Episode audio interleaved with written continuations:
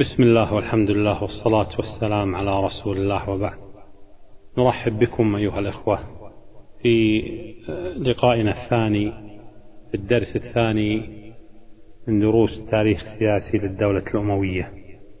وفي الحلقة الماضية الدرس الأول تكلمنا عن نبذة بسيطة عن أنساب العرب قبائل العربية. قلنا بأنهم قبائل قحطانية وعدنانية. تكلمنا ذكرنا القبائل قحطانية. قبائل فرعت من سبأ. قبائل السبائية قبائل كهلانية وحميرية. وتكلمنا عن القبائل الكهلانية. ثم بعد ذلك تكلمنا عن القبائل الحميرية. وانتقلنا بعد ذلك إلى الكلام عن القبائل العدنانية.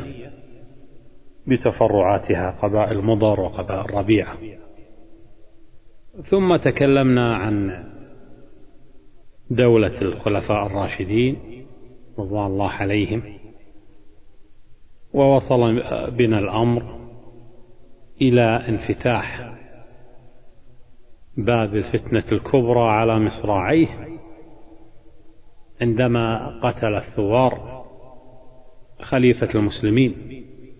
الخليفة الراشد الثالث ذي النورين عثمان بن عفان رضوان الله عليه وبايعوا علي بن أبي طالب خليفة الراشد الرابع في ظروف في غاية الصعوبة. وسوف تعرفون ما أعني عندما نتحدث آه، عن أحداث حدثت وتوالت منذ أن تولى علي رضوان الله عليه للخلافة. استهل علي بن أبي طالب خلافته بتولية عماله على الأمصار الإسلامية فولى عبد الله بن عباس على اليمن وسمرة بن جندب بن هلال بن حريج الفزاري على البصرة الصحابي الجليل رضوان الله عليه. سمرة بن جندب رضي الله عنه صحابي جليل توفي في السنة الستين. وولى عمارة بن حسان بن شهاب على الكوفة.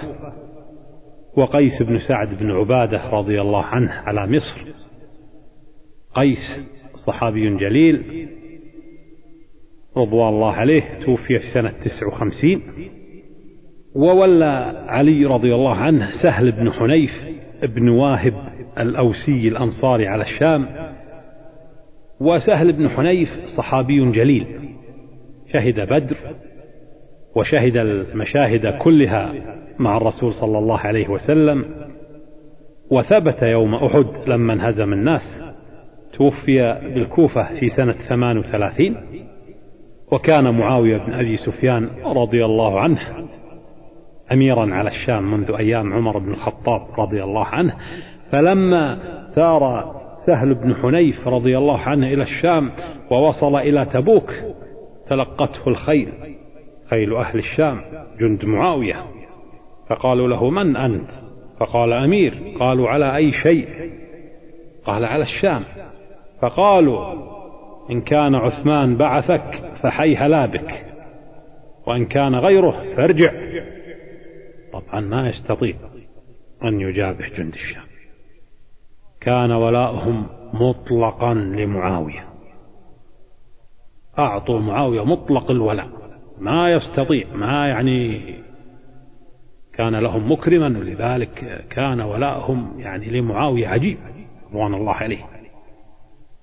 وحدث الشيء نفسه تقريبا في غالب الأمصار حيث ظهر الخلاف جليا وانتشرت الفتنة وتفاقم الأمر وأرسل علي إلى معاوية كتبا كثيرة ولكن معاوية لم يرد عليه. وكان أمير الشام معاوية بن أبي سفيان بن حرب بن أمية بن عبد شمس بن عبد مناف رضي الله عنه قد طالب بدم ابن عمه الخليفة الشهيد.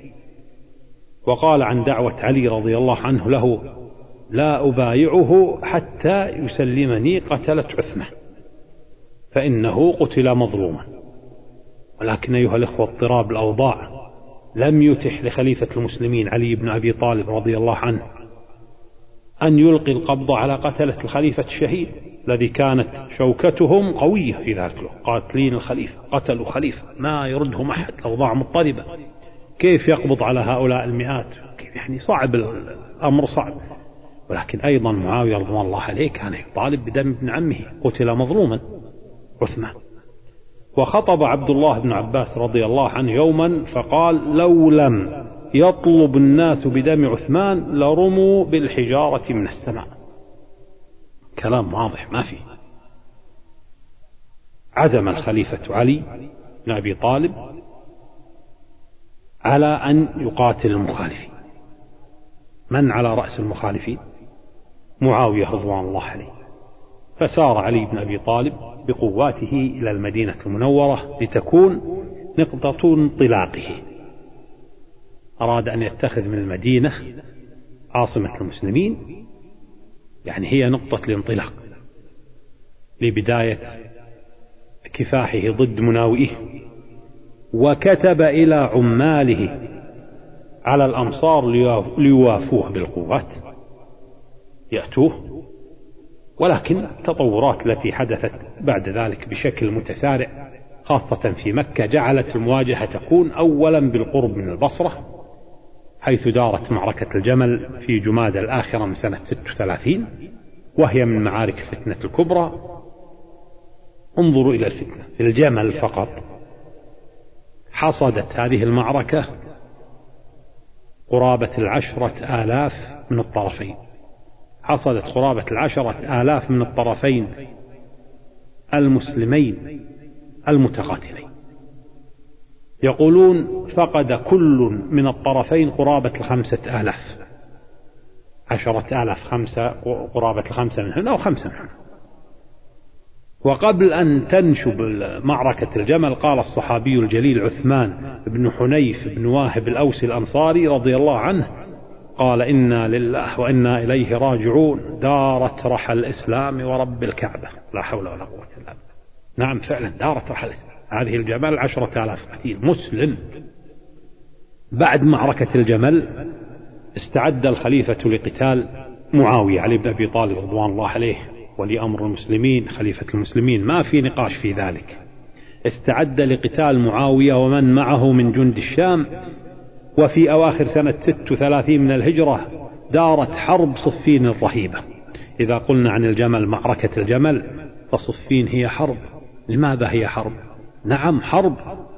تخللتها الكثير من المواجهات الدامية والمعارك الطاحنة بلغت تسعين زحفا. تسعين زحفا بين عشرات الآلاف. ماذا سوف تكون النتيجة؟ النتيجة رهيبة أيها الأخوة. راح ضحيتها عشرات الآلاف من المسلمين. قدرهم المؤرخون بقرابة سبعين ألفا من المسلمين قتلى من أهل الشام قالوا قتل ما يقارب الخمسة وأربعين ألف ومن أهل العراق قتل ما يقارب الخمسة وعشرين ألف. وروى البيهقي أن أهل الشام كانوا قرابة ستين ألفا ستين ألف مقاتل. قتل منهم ما يقارب العشرون ألفا وكان أهل العراق يناهزون الماء وعشرون ألفا. قتل منهم قرابة الأربعون ألف. يعني هذه مصيبة. روى مسلم في صحيحه إمام مسلم روى في صحيحه عن أبي هريرة صحابي الجليل عن الرسول صلى الله عليه وسلم أنه قال لا تقوم الساعة حتى تقتتل فئتان عظيمتان وتكون بينهما مقتلة عظيمة ودعواهما واحدة. نعم هذا صحيح. مصداق لحديث المصطفى صلى الله عليه وسلم. قاتل الصحابي الجليل عمار بن ياسر في صف أمير المؤمنين علي بن أبي طالب الخليفة الراشد الرابع رضي الله عنه. وروى الإمام مسلم في صحيحه عن أم المؤمنين أم سلمة رضي الله عنها قالت قال رسول الله صلى الله عليه وسلم تقتل عمارا الفئة الباغية.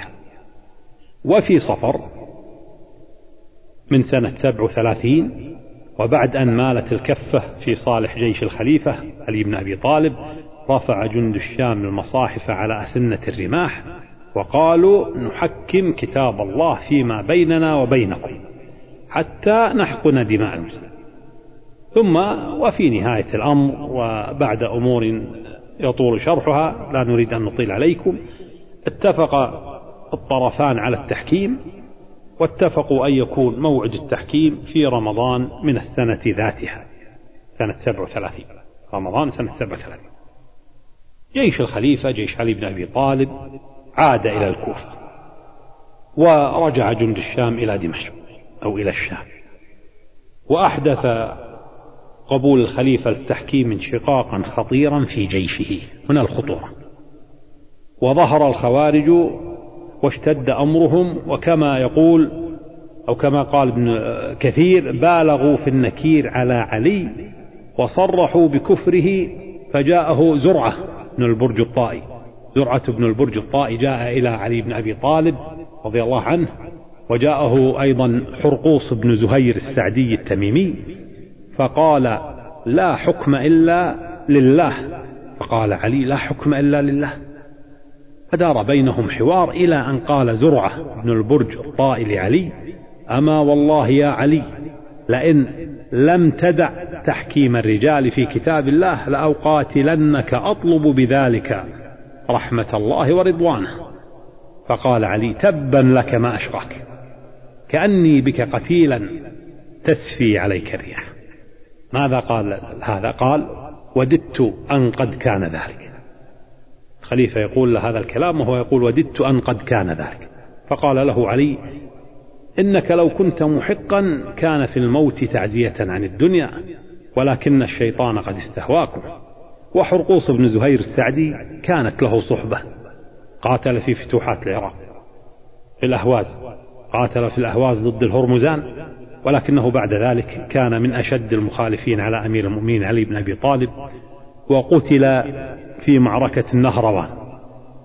في الطريق إلى الكوفة وقبيل وصولهم إليها انشق عن علي ما يقارب الاثنى عشر ألفا من رجاله. اثنى عشر ألف انشقوا عن جيش الخليفة وخرجوا عليه ونزلوا في قرية حروراء ولذلك فهم يعرفون بالحرورية. حرورية لأنهم نزلوا في قرية حروراء.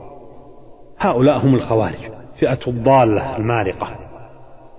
أرسل الخليفة ابن عمه الصحابي الجليل عبد الله بن عباس رضي الله عنهما ليناظرهم.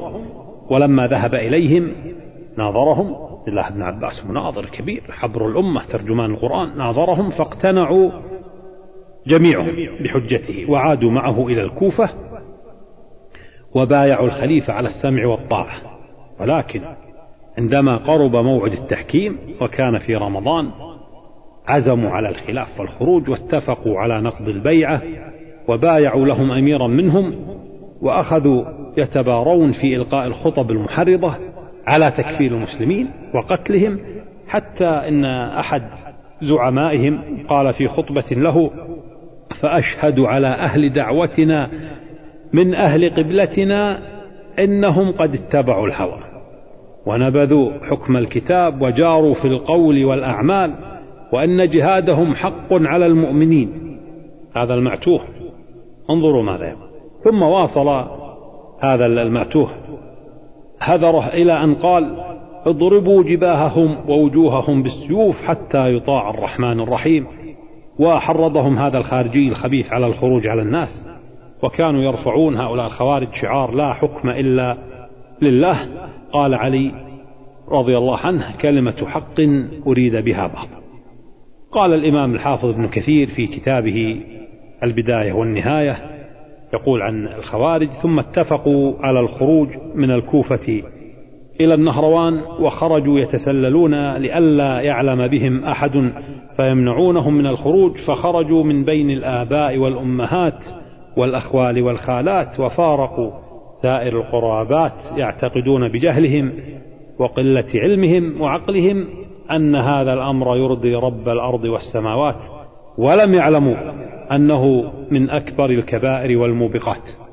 النهروان هذه أيها الأخوة بلدة موجودة إلى الآن. هذه الأسماء كثير من البلاد هذه موجودة من منذ زمان يعني النهروان هذه بلدة موجودة في العراق بالقرب من بغداد الحالية. من المعلوم طبعا أن مدينة بغداد أنشأها بعد ذلك خليفة العباس الثاني أبو جعفر المنصور لكن نقول نهروان موجودة بالقرب من يعني بغداد الحالية. في خروجهم لقوا في طريقهم عبد الله بن خباب بن الأرت رضي الله عنه وعن أبيه ومعه أم ولده كانت حامل بجنينها. أم ولده كانت حامل بجنينها فقالوا له أنت عبد الله بن خباب صاحب رسول الله صلى الله عليه وسلم. وعبد الله بن خباب رضي الله عنه كما قال ابن الأثير في كتابه أسد الغابة كانت له رؤية ولأبيه صحبة. يعني أنه أدرك النبي ولكنه كان صغيرا وكان عبد الله بن الزبير ثم عبد الله بن خباب رضي الله عنهما أول من ولد في الإسلام. لما عرف الخوارج عبد الله بن خباب سألوه إن كان سمع عن أبيه حديثا يحدث به عن رسول الله صلى الله عليه وسلم أنه ذكر الفتنة في أمر الفتنة وقال عنها القاعد فيها خير من القائم والقائم فيها خير من الماشي والماشي فيها خير من الساعي. قال لهم عبد الله بن خباب نعم قد سمعت هذا الحديث عن أبي فلما قال لهم ذلك طرحوه على ضفة النهر وضربوا عنقه فسال دمه يرحمه الله كأنه شراك نعل كما قال المؤرخون. ثم بقروا بطن أم ولده أما في بطنها. أي دين هذا؟ وأي لا حكم إلا لله.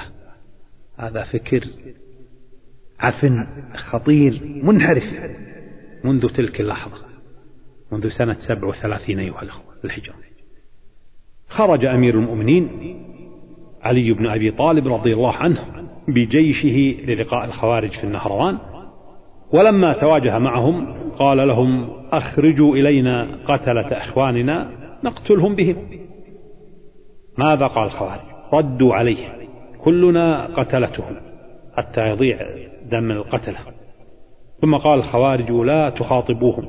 قالوا لبعضهم لا تخاطبوهم يعني لا تخاطبوا من مع علي بن أبي طالب رضوان الله عليه ولا تكلموهم وتهيأوا للقاء الرب وأخذوا يصيحون. الرواح الرواح إلى الجنة وقبل أن ينشب القتال أعطاهم الخليفة فرصة اللحظة الأخيرة ودفع براية الأمان إلى أبي أيوب الأنصاري رضي الله عنه وأبو أيوب هو خالد بن زيد الخزرجي الأنصاري الجليل الصحابي الجليل رضي الله عنه. فناداهم أبو أيوب قائلا من جاء هذه الراية منكم ممن لم يقتل ولم يستعرض فهو آمن ومن انصرف منكم إلى الكوفة أو إلى المدائن وخرج من هذه الجماعة فهو آمن. إذا من جاء هذه الراية منكم ممن لم يقتل أو ولم يستعرض فهو آمن ومن أراد منكم أن ينصرف إلى الكوفة أو إلى المدائن وخرج من هذه الجماعة فهو آمن. أعطاهم خيارات. ماذا تعني كلمة لم يستعرض؟ كان الخوارج الخبثاء قبحهم الله يستعرضون الناس أي يفاجئوهم بقطع الطريق عليهم كما فعلوا مع خباب عبد الله بن خباب أم ولده. يفاجئ الناس ويقطعون عليهم الطرق ويقتلون كل من يقع في أيديهم هذا هو الاستعراض. كل من يقع في أيديهم مسلما كان أم كافر. المدائن تقع هذه على بعد سبعة فراسخ من بغداد وهي عدة مدن تقع على جانبي دجلة الشرقي والغربي. عدة مدن هذه المدائن. تقع على شرق وغرب دجلة وكما قلنا تبعد سبعة فراسخ عن بغداد. الفرسخ هذا سوف أكرره لكم يمكن ربما تلاحظون. يعني تواجهنا كلمة فرسخ لا بد نذكركم بها من آن الآخر. الفرسخ ثلاثة أميال والميل هو 1609 أمتار. وإذا أردتم 35 سنتيمترا يعني آه، فاستجاب لدعوة الفرصة الأخيرة جماعة من الخوارج وأبى آه، بقيتهم إلا المكابرة والعناد. ثم ما لبث, ما لبث أن نشب القتال واستحر القتل في الخوارج وكانت نتيجة هذه المعركة آه، رهيبة. استأصلهم جيش الخليفة قضى عليهم آه، روى الإمام أحمد إمام أحمد بن حنبل روى في مسنده رواية عن أبي كثير مولى الأنصار قال كنت مع سيدي يعني سيده الأنصاري مع علي بن أبي طالب حيث قتل أهل النهروان فكأن الناس وجدوا في أنفسهم من قتلهم قتل كثيرين كأن الناس يعني شعروا بضيق قتل كثيرين لم يقتل من جيش الخليفة إلا عدد بسيط جدا بينما يعني مجزرة حدثت للخوارج. فيقول فكأن الناس وجدوا في أنفسهم من قتلهم لأن النهروان أيها الأخوة كما قلنا معركة فاصلة عظيمة قتل بها من الخوارج مقتلة عظيمة ولم يقتل من جيش الخليفة إلا قلة قليلة. فقال علي يا أيها الناس إن رسول الله صلى الله عليه وسلم قد حدثنا بأقوام يمرقون من الدين كما يمرق السهم من الرمية ثم لا يرجعون فيه أبدا حتى يرجع السهم على فوقه وإن آية ذلك أن فيهم رجلا أسود مخدج اليد إحدى يديه كثدي المرأة لها حلمة كحلمة ثدي المرأة حوله سبع حلبات يعني شعرات سبع حلبات يعني سبع شعرات. فالتمسوه فإني أراه فيهم. فلما ذهبوا يبحثون عن هذا الرجل وجدوه بالقرب من من من حافة النهر تحت القتلى فأخرجوه فكبر علي فقال الله أكبر صدق الله ورسوله. وكان آه، علي متقلد آه، قوسا له عربية كان له قوس عربية متقلدها فأخذها بيده أخذ القوس علي فجعل يطعن بها في مخدجته ويقول صدق الله ورسوله. وكبر الناس حين رأوه واستبشروا وذهب عنهم ما كانوا يجدون. وفي الحديث الذي أخرجه الإمام مسلم عن علي بن أبي طالب رضي الله عنه عن الرسول صلى الله عليه وسلم قال يخرج قوم من أمتي يقرؤون القرآن ليس قراءتكم إلى قراءتهم بشيء. يخرج قوم من أمتي يقرؤون القرآن ليس قراءتكم إلى قراءتهم بشيء ولا صلاتكم إلى صلاتهم بشيء. ولا صيامكم إلى صيامهم بشيء. يقرؤون القرآن يحسبون أنه لهم وهو عليهم. ولو يعلم الجيش الذين يصيبونهم ما قضى لهم على لسان نبيهم صلى الله عليه وسلم لاتكلوا على العمل لو يعلم الجيش الذي يصيبونهم ما قضى لهم على لسان نبيهم صلى الله عليه وسلم لاتكلوا على العمل. وآية ذلك أن فيهم رجلا له عضد ليس لها ذراع على رأس عضده حلمة الثدي عليه شعرات بيض. وذكر بعض المؤرخين بأن هذا الرجل اسمه نافع ذو الثدية. نافع ذو الثدية. نعم هذه معركة النهروان الكبيرة. ذكر بعض المؤرخين بأن هذا الرجل كما قلنا هو نافع ذو الثدية وقالوا أيضا كان من ضمن من قتل من الخوارج في معركة النهروان التي جرت في السنة الثامنة والثلاثين من الهجرة شجنة ابن عدي. رجل اسمه شجنة بن عدي وابنه الأخضر بن شجنة وهما من قبيلة الرباب من تيم الرباب. والرباب يعدون من ضمن القبائل التميمية. وكان لشجن بن عدي ابنة اسمها قطم هذه سوف نحدثكم عنها. كان لشجنة بن عدي ابنة اسمها قطام. هذه قطام رائعة الحسن والجمال وهي هذه الخبيثة على معتقد الخوارج الخبثاء. أقسمت بعد النهروان أن تنتقم من علي بن أبي طالب رضي الله عنه وكان ثلاثة من الخوارج وهم عبد الرحمن بن ملجم المرادي والبرك البرك بن عبد الله. البرك لقب اسمه الحجاج. وعمر بن بكر التميمي قد اجتمعوا وأخذوا يتحدثون عن الأوضاع التي يعيشها الناس وعن جور الولاة. هذه دائما كلمتهم أوضاع ناس حكام وجور الحكام. وعن إخوانهم الذين قتلوا في النهروان وترحموا عليهم لأنهم كانوا دعاة الناس بعبادة ربهم ولأنهم لم يكونوا يخافوا في الله لومة لائم وكلام سوالف وقصص هذه تثير الشجون أيها الأخوة خاصة مجتمع مجتمع قبلي هذه الأمور. هؤلاء الأشقياء الثلاثة اتفقوا بل قرروا أن يغتالوا أئمة الضلالة حسب معتقدهم. هذا المعتقد الفاسد قالوا نقتل أئمة الضلالة. من هم أئمة الضلالة يا علي بن أبي طالب ولي أمر المسلمين خليفة الراشد الرابع صحابي الجليل رضوان الله عليه. هذا أولهم. والصحابي الجليل معاوية بن أبي سفيان والصحابي الجليل عمرو بن العاص رضي الله عنه. فقال عبد الرحمن بن ملجم أنا أكفيكم علي بن أبي طالب. وقال البرك ابن عبد الله أنا أكفيكم معاوية بن أبي سفيان. وقال عمرو بن الثاني هذا قال أنا أكفيكم عمرو بن العاص عمرو بن بكر. وتعاهدوا بالله ألا ينكص أيا منهم عن هذه الغاية. وحددوا ليلة السابع عشر من رمضان موعدا لتنفيذ هذه المؤامرة الدنيئة وانطلق كل منهم إلى وجهته بعد أن سمموا سيوفهم. طبعا أيها الأخوة هناك تفصيلات كثيرة وحتى لا أطيل عليكم أقول ذهب البرك بن عبد الله إلى معاوية رضي الله عنه في دمشق وتربص به عند خروجه للصلاة صلاة الصبح وضربه بالسيف فوقعت الضربة المسمومة في إليته ولم تصبه بمقتل. وأمر معاوية رضي الله عنه بقتله.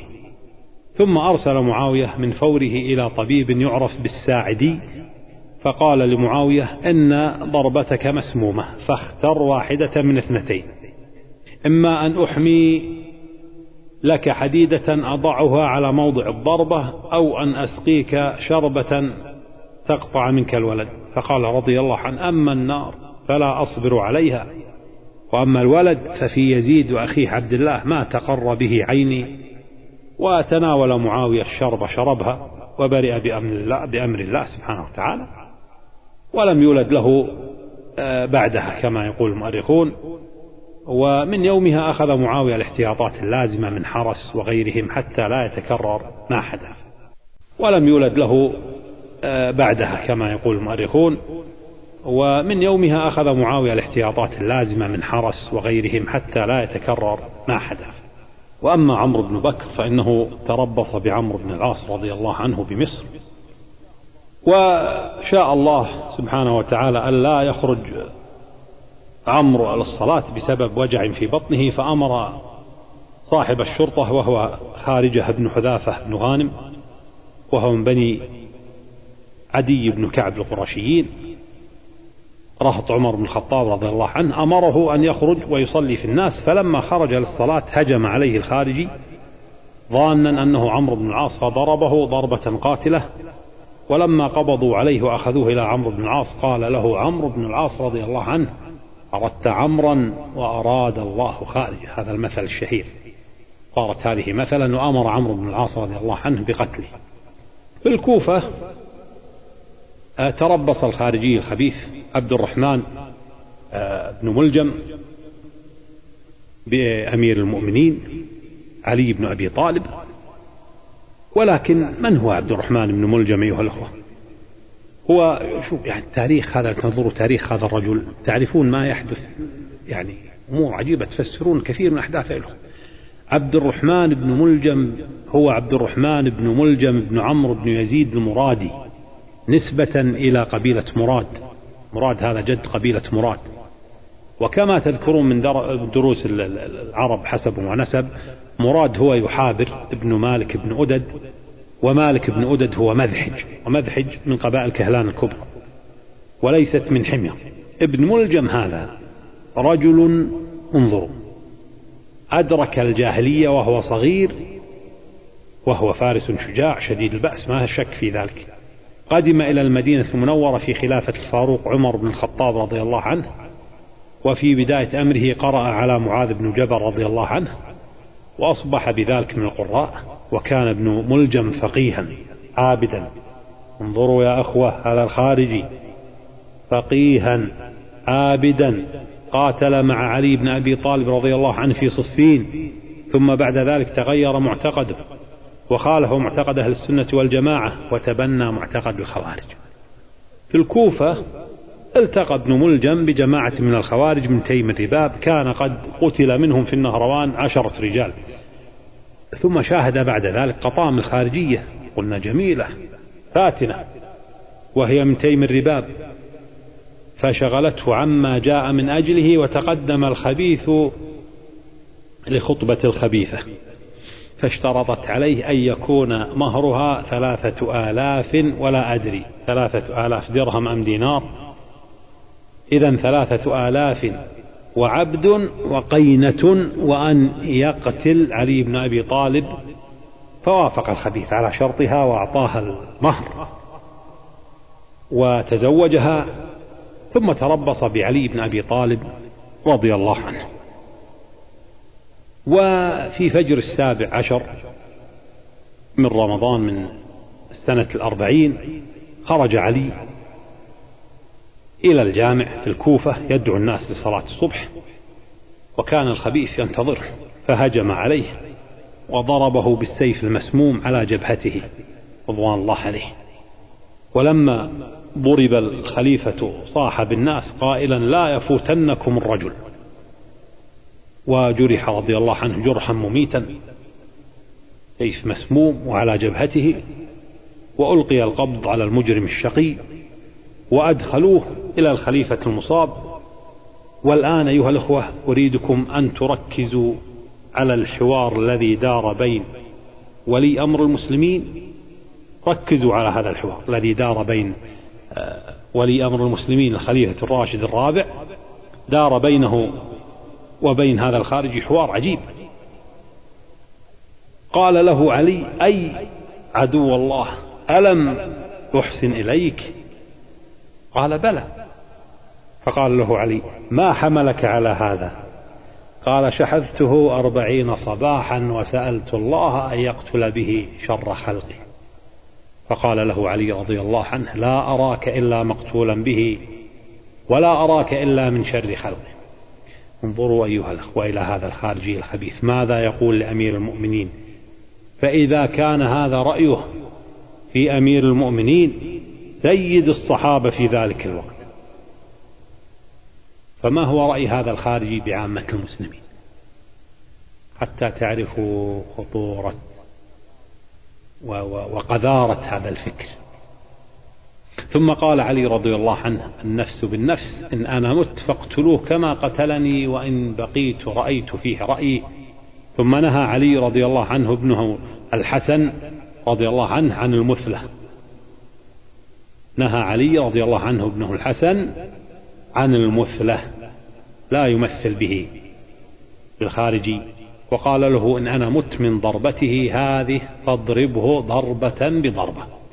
ولا تمثل بالرجل فإني سمعت رسول الله صلى الله عليه وسلم يقول إياكم والمثلة ولو أنها بالكلب العقور. انظروا إلى فقه أبي الحسن رضي الله عليه في مثل هذا الموقف العصيب الرهيب ولكنها يا أخوان الفتنة التي شرع بابها لما قتل الخليفة الشهيد ذو النورين عثمان بن عفان رضي الله عنه في بيته وهو يقرأ القرآن.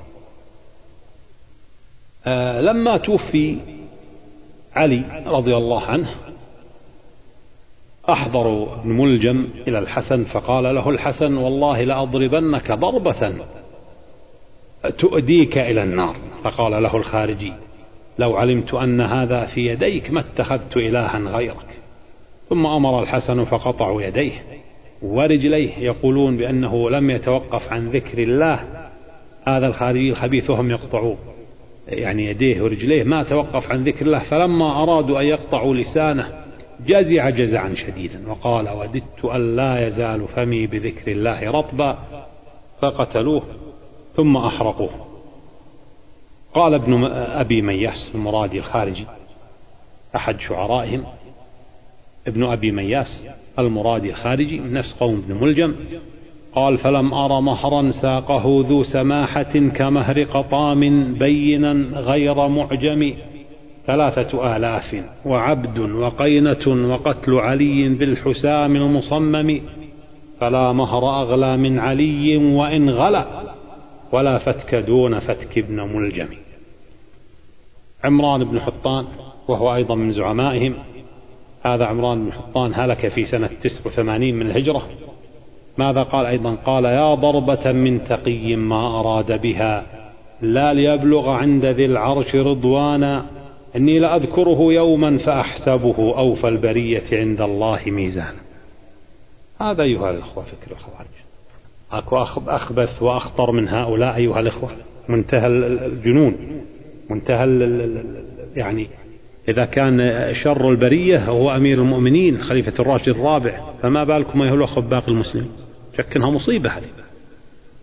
نعم لقد فصلت بعض الشيء في هذه الأحداث حتى أريكم من هم الخوارج وما هو معتقدهم وكيف يفكرون. وأخطر ما في معتقدهم الفاسد أنهم بسبب جهلهم يعتقدون بأن ما يفعلون هو قربة لله سبحانه وتعالى. يعتقدون بأنهم يتقربون بأفعالهم التي يكفرون بها المسلمين ويستحلون بها دماءهم وأموالهم. يعتقدون بأنها من أعظم القربات إلى الله سبحانه وتعالى. أخرج الإمام البخاري عن أنس بن مالك رضي الله عنه قال لم يكن أحد أشبه بالنبي صلى الله عليه وسلم من الحسن بن علي وفي الحديث الصحيح الذي رواه البخاري في صحيحه عن أبي بكرة رضي الله عنه قال رأيت الرسول صلى الله عليه وسلم على المنبر والحسن بن علي إلى جنبه وهو يقبل على الناس مرة وعليه أخرى ويقول إن ابني هذا سيد ولعل الله يصلح به بين فئتين عظيمتين من المسلمين.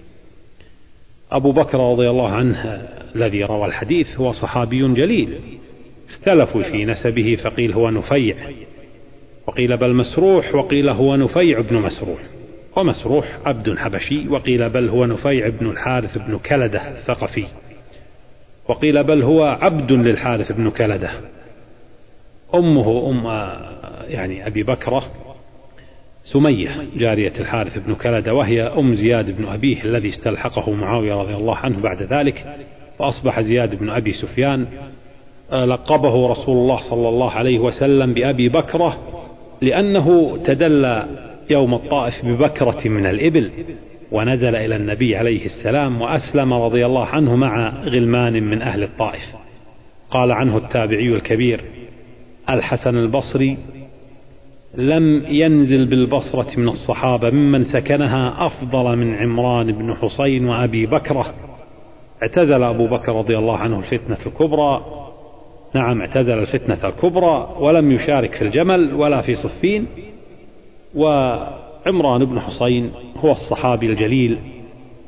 عمران بن حسين بن عبيد بن خلف الخزاعي رضي الله عنه أسلم في السنة السابعة وكان من الذين اعتزلوا الفتنة.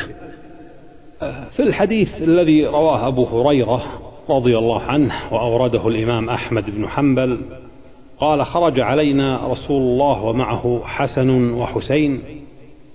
هذا على عاتقه وهذا على عاتقه وهو يلثم هذا مرة وهذا مرة حتى انتهى إلينا. فقال رجل يا رسول الله إنك لا تحبهما. فقال من أحبهما فقد أحبني ومن أبغضهما فقد أبغضني. وفي الحديث الذي رواه الإمام مسلم عن أم المؤمنين عائشة رضي الله عنها وعن أبيها الصديق قالت خرج النبي صلى الله عليه وسلم غداة وعليه مرط مرحل من شعر أسود فجاء الحسن بن علي فأدخله ثم جاء الحسين فدخل معه ثم جاءت فاطمة فأدخلها ثم جاء علي فأدخله ثم قال إنما يريد الله ليذهب عنكم الرجس أهل البيت ويطهركم تطهيرا. وفي الحديث الذي رواه الترمذي عن أبي سعيد الخدري أن الرسول صلى الله عليه وسلم قال الحسن والحسين سيد شباب أهل الجنة ويروي عمير بن إسحاق ذكروا عنه أنه قال عمير بن إسحاق ما تكلم عندي أحد كان أحب إذا تكلم أن لا يسكت. من الحسن بن علي. ما سمعت منه كلمة فحش قط إلا مرة. ما هي كلمة الفحش هذه؟ حدث مرة أنه كان بين الحسن وعمرو بن عثمان بن عفان خصومة في أرض تخاصموا.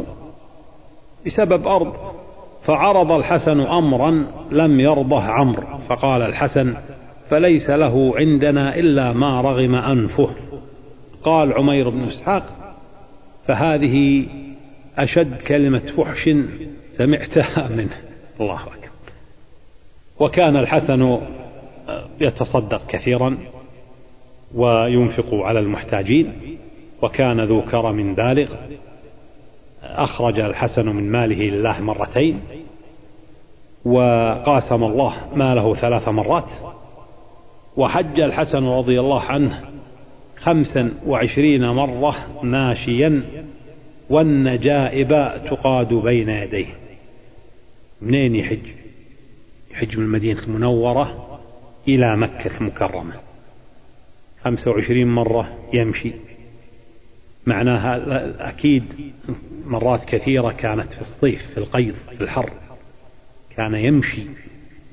هل من, من, من قلة من حاجة له؟ النجائب تقاد بين يديه يريد الأجر من الله سبحانه وتعالى.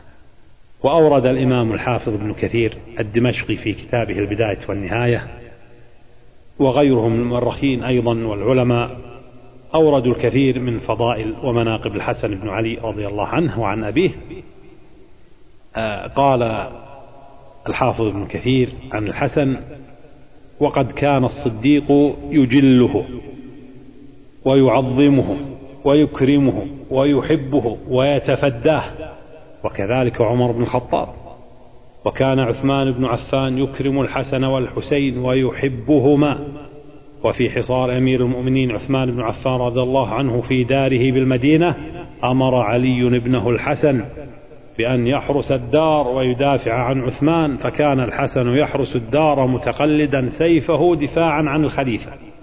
فخشي عثمان عليه من الثوار فأقسم عليه ليرجعن إلى منزلهم تطيبا لخاطر أبي علي وخوفا عليه. وكان علي رضي الله عنه يكرم الحسن إكراما زائدا وكان عبد الله بن عباس رضي الله عنه يأخذ الركاب الحسن والحسين إذا ركبا وكان إذا طافا بالبيت يكاد الناس يحطمونهما بسبب الازدحام من حولهما للسلام عليهما. وكان عبد الله بن الزبير رضي الله عنه يقول والله ما قامت النساء على مثل الحسن بن علي. وكان معاوية رضي الله عنه يكرمه إكراما بالغا. هذا الصحابة وفعلهم مع آل البيت أيها الأخوة.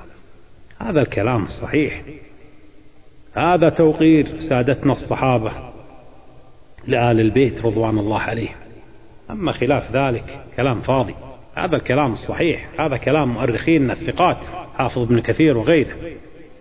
منذ البداية أراد الحسن بن علي رضي الله عنه وعن أبيه أن يصلح بين المسلمين الذين أفنتهم معارك حرب الفتنة الكبرى. وفي الكوفة بايع المسلمون الحسن بن علي رضي الله عنه وكان أول من بايعه قيس بن سعد بن عبادة رضي الله عنه وكان تحت امرته أربعين ألفا من أنصار علي بن أبي طالب رضي الله عنه تحت امرة سعد بن قيس قيس بن سعد بن عبادة رضوان الله عليه وعن أبيه كان تحت امرته أربعين ألف جيش كبير. وقال الحسن ابسط يدك أبايعك على كتاب الله عز وجل وسنة نبيه وقتال المحلين. فقال له الحسن على كتاب الله وسنة نبيه فإن ذلك يأتي من وراء كل شر. فبايعه قيس بن سعد وسكت وبايعه الناس. وقال له ابسط يدك أبايعك على كتاب الله عز وجل وسنة نبيه وقتال المحلين. فمن هم أيها الأخوة؟ هؤلاء المحلين. المحلون أيها الأخوة هم من لا عهد لهم ولا حرمة. لا عهد لهم ولا حرمة لهم. ولأن المسلم يحرم عليه قتل المسلم فإذا استحلت جماعة من المسلمين قتال جماعة أخرى من المسلمين فهم من المحلين. وعلى المسلمين قتال المحلين ليدفعوا شرهم وأذاهم عنه بعد أن بايع الناس الحسن رضي الله عنه بالخلافة وكان ذلك بالكوفة خرج بالناس إلى المدائن. وبعث بقيس بن سعد على مقدمة جيشه في اثني عشر ألفا وأقبل معاوية رضي الله عنه في جند الشام ونزل في مكان اسمه مسكن ومسكن هذه قرية في العراق على نهر دجلة. ثم حدث هرج ومرج في معسكر الحسن آه، عندما نادى مناد بأن قيس بن سعد بن عبادة رضي الله عنه قد قتل. فانفروا قتل قيس بن سعد صاح فيهم سوى فتنة. ولم يكن ذلك صحيحا لم يقتل قيس بن سعد ولا حتى تعرض له. فلما سمع الناس ذلك نفروا ونهبوا سرادق الحسن حتى نازعوه بساطا كان تحته. لم يكن الحسن رضي الله عنه يثق بأهل الكوفة. حسن رضوان الله عليه لم يكن يثق بأهل الكوفة فهم قد خذلوا أباه علي بن أبي طالب رضي الله عنه. ولذلك كان الحسن لهم مبغضا وهم قد طعنوه بعدما بايعوه لأنه اشترط عليهم أثناء البيعة شروطا منها أنه قال لهم إنكم سامعون مطيعون تسالمون من سالمت وتحاربون من حاربت فلما سمعوا منه ذلك ارتابوا في أمره وقالوا ليس هذا بصاحبكم إنه لا يريد القتال فطعنوه بعد ذلك طعنة أشوته طعنة أشوته يعني أصابته لكن لم تقتله. ونهبوا متاعه في معسكره بالمدائن فخافهم الحسن على نفسه. وازداد لهم بغضا وازداد منهم رعبا. وعرف أنه لا يستطيع الاعتماد عليهم فكتب إلى معاوية رضي الله عنه في أمر الصلح. وذكر الإمام البخاري أن الحسن بن علي استقبل معاوية بكتائب مثل الجبال. فقال عمرو بن العاص رضي الله عنه لمعاوية بن أبي سفيان رضي الله عنه أني لأرى كتائب لا تولي حتى تقتل أقرانها. فقال له معاوية إن قتل هؤلاء هؤلاء وهؤلاء هؤلاء من لي بأمور الناس؟ من لي بضعفتهم؟ من لي بنسائهم؟ رضوان الله عليك يا معاوية. صحابي جليل لا شك. نعم. وفي أثناء ذلك وصل كتاب الحسن إلى معاوية في أمر الصلح فبادر معاوية رضي الله عنه من فوره بإرسال رجلين من الصحابة من قومه بني عبد شمس بن عبد مناف إلى الحسن ليفاوضانه في أمر الصلح. وهذان رجلان هما عبد الرحمن بن سمرة بن حبيب بن ربيعة بن عبد شمس وعبد الله بن عامر بن كريز ابن ربيعة بن حبيب بن عبد شمس رضي الله عنهما عبد الرحمن بن سمرة أسلم يوم الفتح سماه الرسول عبد الرحمن وكان اسمه عبد الكعبة توفي في البصرة في سنة خمسين. أما عبد الله بن عامر رضي الله عنه فقد ولد في عهد الرسول صلى الله عليه وسلم وكان الرسول عليه السلام قد تفل في فمه وعوذه فبلع الطفل الصغير ريق المصطفى عليه السلام فقال الرسول صلى الله عليه وسلم إنه لمسقاء ولذلك كان هذا الصحابي الجليل لا يعالج أرضا إلا نبع بها الماء بأمر الله ثم ببركة دعاء الرسول.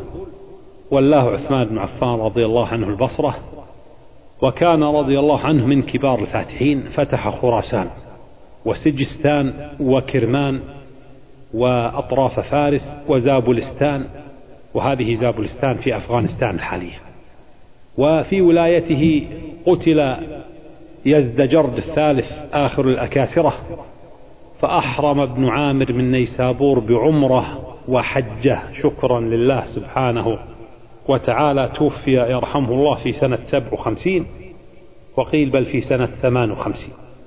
وصل الصحابيان رضي الله عنهما إلى الحسن رضي الله عنه في معسكره بالمدائن وتداولوا في أمر الصلح وتم الاتفاق بينهم على الصلح وكتب الحسن إلى قيس بن سعد رضي الله عنه وهو على مقدمة الجيش وتحت اثنا عشر ألف مقاتل يأمره بالدخول في طاعة معاوية. فخطب قيس بن سعد بالناس فقال أيها الناس اختاروا الدخول في طاعة إمام ضلالة. أو القتال مع غير إمام. قالوا له لا بل نختار أن ندخل في طاعة إمام ضلالة. وبايعوا لمعاوية رضي الله عنه. كان تنازل الحسن بن علي عن الخلافة لمعاوية بن أبي سفيان في ربيع الأول من سنة 41 من الهجرة.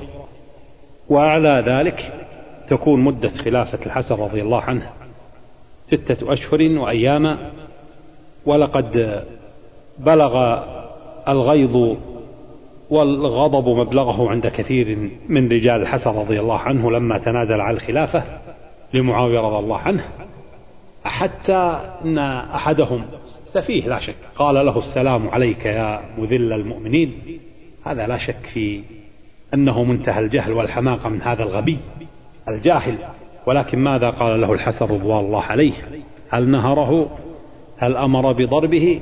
قال له الحسن لا تقل هذا لست بمذل المؤمنين ولكني كرهت أن أقتلهم على الملك كرهت أن أقتلهم على الملك. دخل معاوية بن أبي سفيان الكوفة وبايعه الناس ثم خطب فيهم وبمشورة من عمرو بن العاص رضي الله عنه طلب معاوية بن الحسن أن يخطب بالناس فقال للناس في خطبته أما بعد أيها الناس فإن الله هداكم بأولنا وحقن دماءكم بآخرنا وإن لهذا الأمر مدة والدنيا دول قال الله تعالى لنبيه صلى الله عليه وسلم وإن أدري لعله فتنة لكم ومتاع إلى حين. فلما قال ذلك غضب معاوية وأمره بالجلوس ثم بعد ذلك غادر الحسن الكوفة إلى المدينة المنورة وبقى فيها إلى حين وفاته رضي الله عنه في السنة التاسعة والأربعين وقيل في سنة وفاته غير ذلك مات رضي الله عنه مسموما وحاول معه أخوه الحسين رضي الله عنه ليخبره عمن سقاه السم فلم يخبره وقال الله أشد نقمة إن كان الذي أظن وإلا فلا يقتل بي والله بريء. سئل إمام أهل السنة والجماعة الإمام أحمد بن حنبل رضي الله عنه عما جرى بين علي ومعاوية فقرأ تلك أمة قد خلت لها ما كسبت ولكم ما كسبتم ولا تسألون عما كانوا يعملون. ولما جاء خبر مقتل علي رضي الله عنه إلى معاوية رضي الله عنه جعل معاوية يبكي فقالت له امرأته أتبكيه وقد قاتلته؟ قال ويحك إنك لا تدرين ما فقد الناس من الفضل والفقه والعلم. وحتى نختم هذه الحلقة أيها الأخوة أقول لكم دخل أبو مسلم الخولاني ومعه جماعة على معاوية رضي الله عنه فقالوا له أنت تنازع عليا أم أنت مثله؟ فقال والله إني لا أعلم أنه خير مني وأفضل. وأحق بالأمر مني ولكن ألستم تعلمون أن عثمان قتل مظلوما وأنا ابن عمه وأنا أطلب بدمه وأمره إلي فقولوا له فليسلم إلي قتلة عثمان وأنا أسلم له أمره. فأتوا عليا. أبو مسلم الخولاني والجماعة الذين معه أتوا عليا فكلموه في ذلك فلم يدفع إليهم أحدا. ما يستطيع في ذلك الوقت يا الأخوة. قلنا لكم الثوار ووضعهم مجرمين وجهل بالدين أبو مسلم الخولاني من سادة التابعين اسمه عبد الله بن ثوب أسلم في حياة الرسول صلى الله عليه وسلم ولكنه لم يره ووفد إلى المدينة في خلافة الصديق رضي الله عنه وتوفي أبو مسلم الخولاني أو الخولاني في سنة اثنتين وستين. أيها الأخوة نريد أن نتوقف هنا وجزاكم الله خير على حسن استماعكم وإن شاء الله سوف نكمل في الدرس الثالث أو في الحلقة القادمة ما تكلمنا عنه في الحلقة الماضية وهذه الحلقة. وهذه الثلاث حلقات بإذن الله كأنها ستكون مقدمة لهذه الدروس سلسلة هذه الدروس دروس تاريخ سياسي للدولة الأموية وجزاكم الله خير على حسن استماعكم.